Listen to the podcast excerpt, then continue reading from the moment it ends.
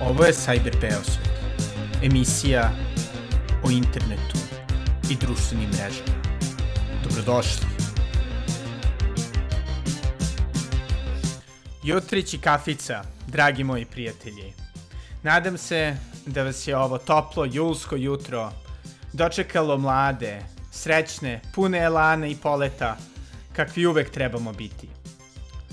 Upravo taj elan i polet su me naterali da posle vanserijskog uspeha pokretača, kao i malo manjeg, ali opet bitnog učinka moga, pa da kažem, ovaj, malo manje regularnog podcasta Beosvet, se upustim u još jedan hrabri projekat.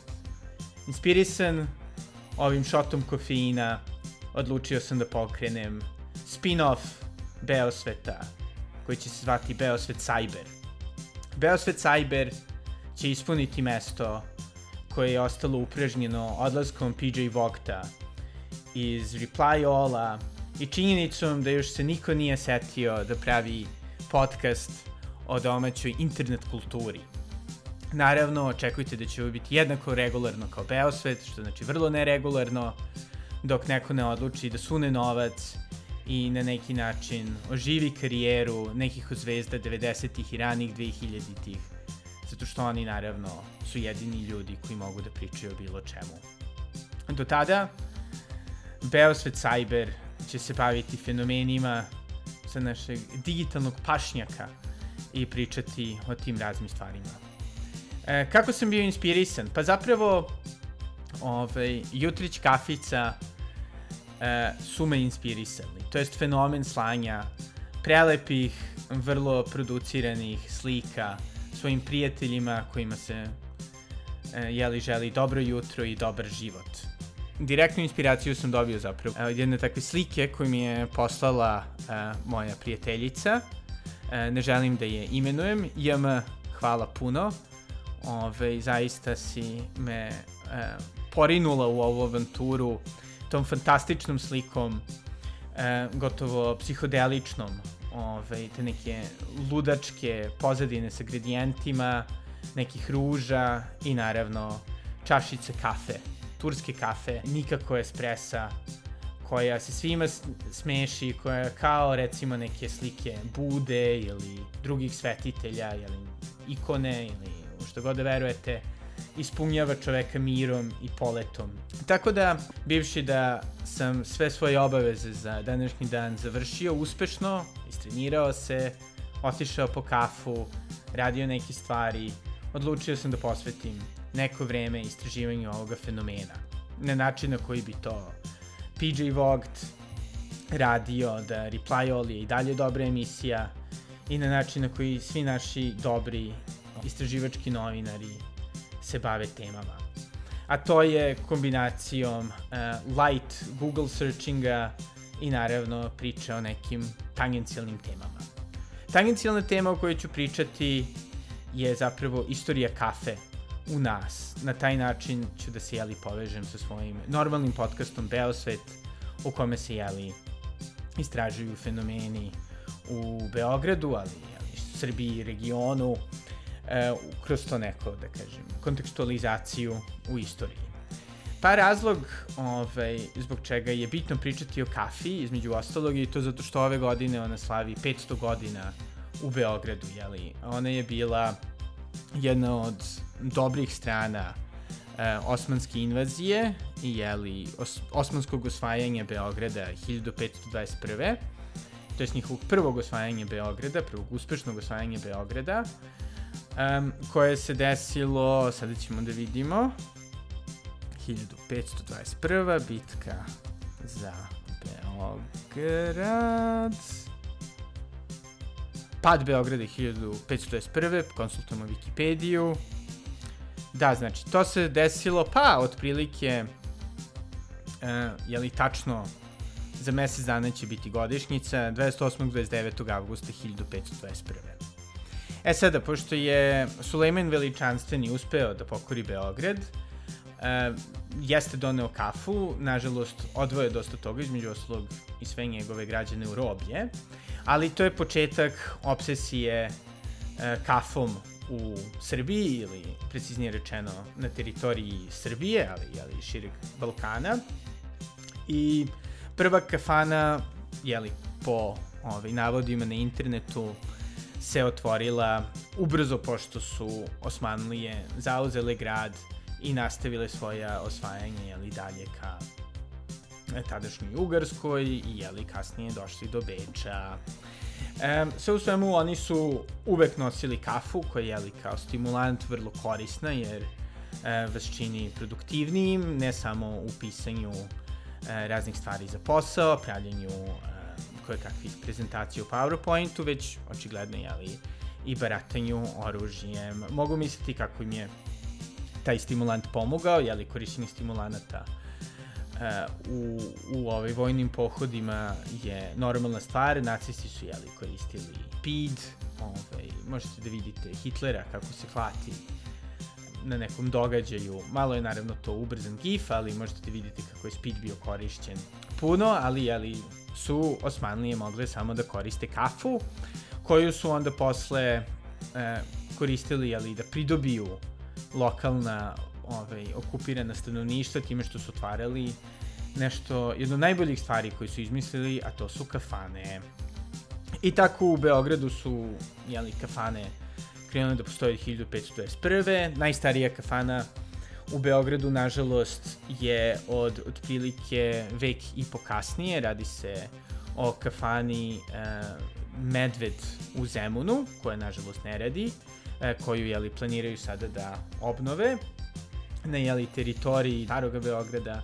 Najstarije je naravno znak pitanja iz 1830-ih i iako naravno svi znamo za uživanje u kafanama, one su imale dosta zanimljivu ulogu i zanimljivu po podelu tokom uh, jeli, perioda kada je Beograd bio po Turcima. Postojala je razlika u tome ko su bili vlasnici kafana, kafeđije koji su uh, jeli bile muslimani, uglavnom nisu točili alkohol i trudili su se da kafani ipak se drže e, normi i pristojnih ove, stvari, dok opet sa druge strane su uglavnom hrišćanske kafane služile i alkohol i bile su malkice razvratnije. Naravno, nije to uvek bilo tako. U fantastičnoj knjizi Istorije privatnog života u Srba, e, koji su pisali Marko Popović, Miroslav Timotijević i Milan Ristović, e, pokazuje se da recimo u Sarajevu su bile kafane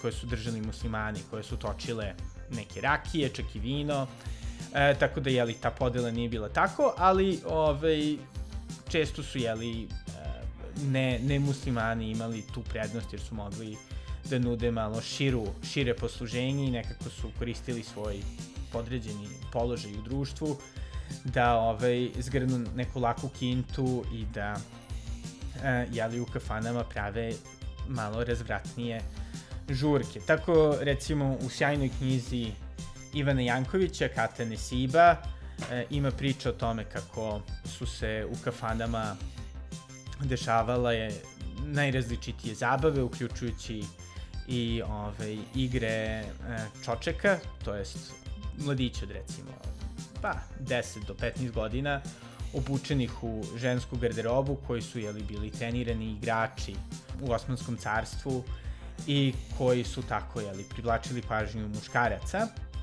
I tako se u jednoj kafani blizu ta, sadašnjeg Dorćola desio obračun e, gde je, su čak, ja mislim, i ljudi poginuli, mislim, nažalost, čak i Čoček.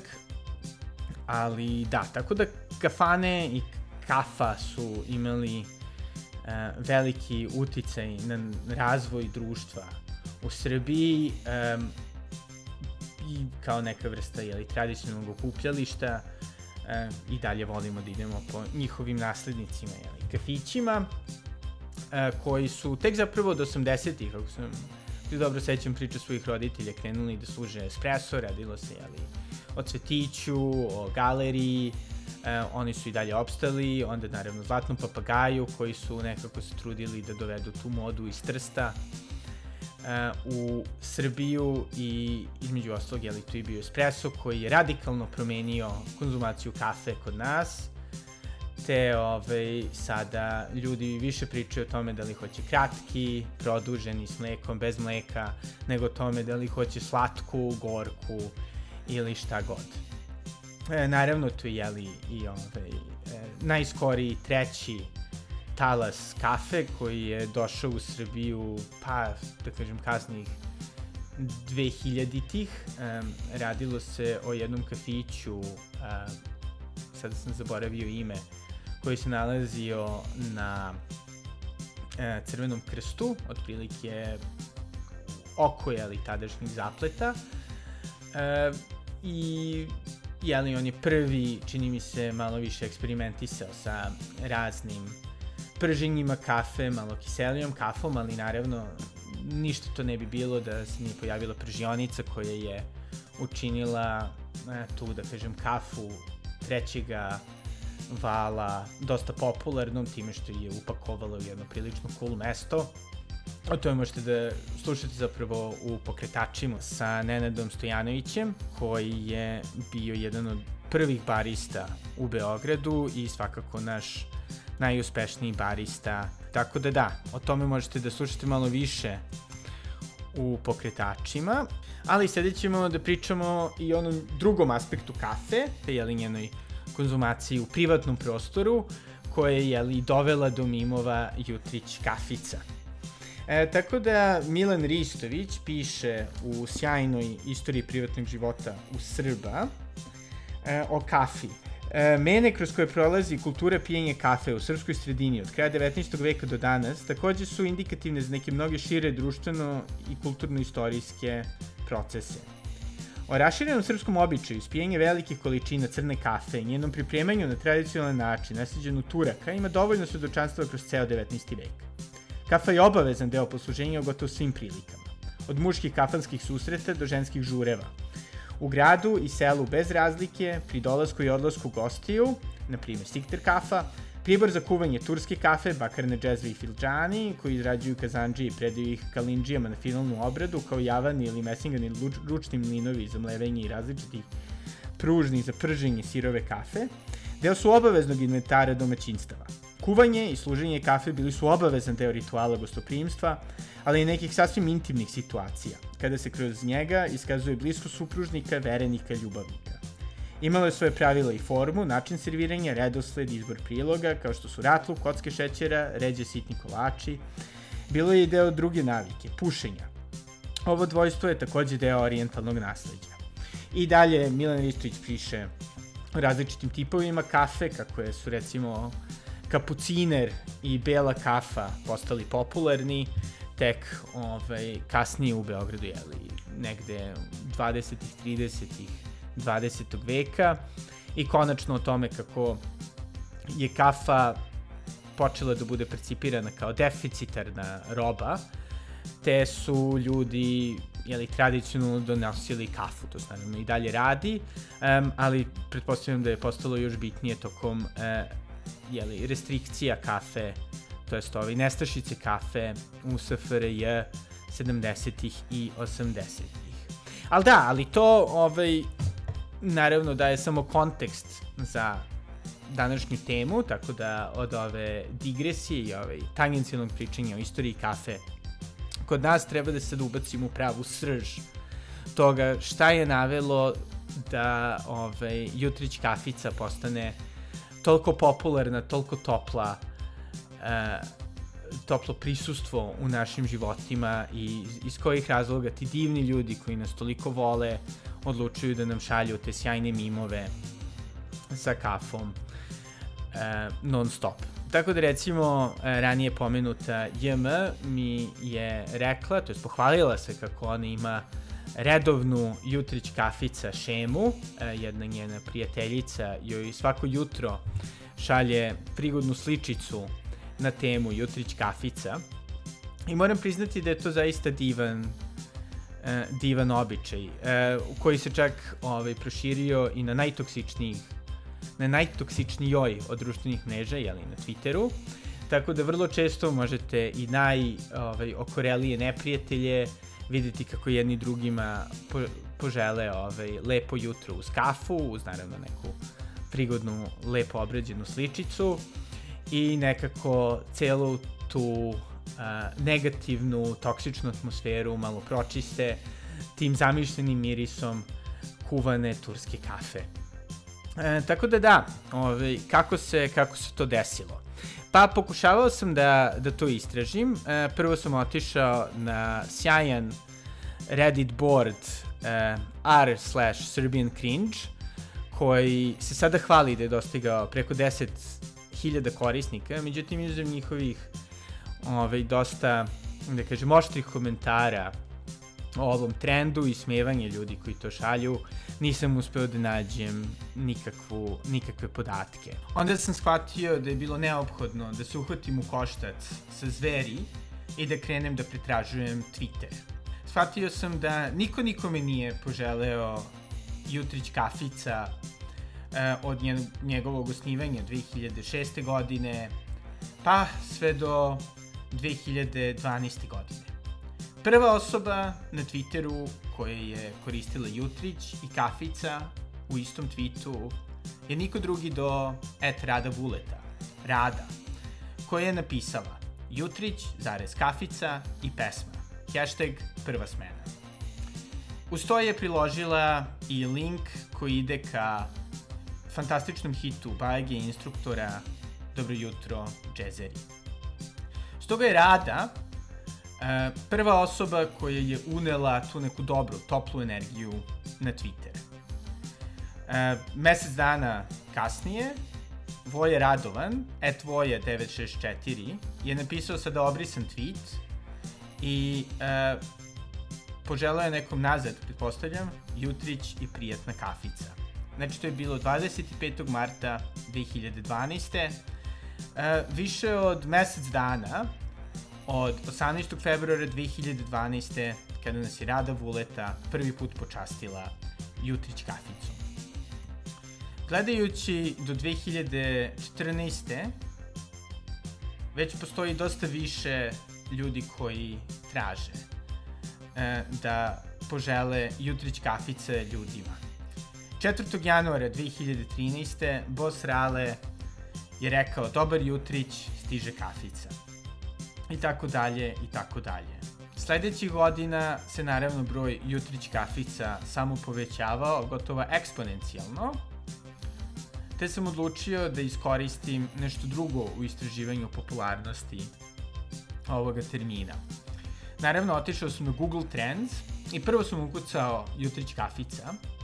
To naravno nije dalo nikakve rezultate. Sada, da li je to zato što ljudi zaista nisu googlali Jutrić kafica ovaj, nikada u istoriji Google-a, nisam siguran, ili zato što je Google malkice krenuo da šlajfuje kao uh, web search, ne znam, moguće da Jutrić kafica ekipa više voli Bing ili DuckDuckGo, ali sve u svemu sam morao da malkice promenim search, pokušao sam ponovo sa Jutrićem, nije uspelo, da bih onda našao vrlo zanimljiv trend kada sam googlao kafica. Znači, Google trendovi koji pokazuju koliko se, ko, koliko se jeli, googla određena reč, pokazuju da je apsolutni vrhunac ovaj, searcha za kafica se desio u decembru 2020. E, posle relativno, da kažem, stabilnog, iako valovitog ovaj, searcha za kaficu, koji onako svake godine sezonski išao gore tokom zime, da bi onda padao tokom leta. Postoji ogromna ekspanzija googlovanja kafice od februara 2020. Zašto 2020. Pitaćete. Pa tada je krenula pandemija.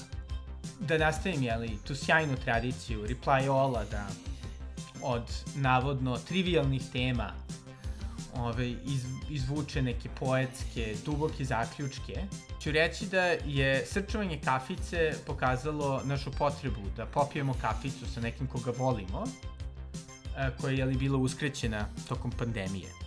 Od februara 2020.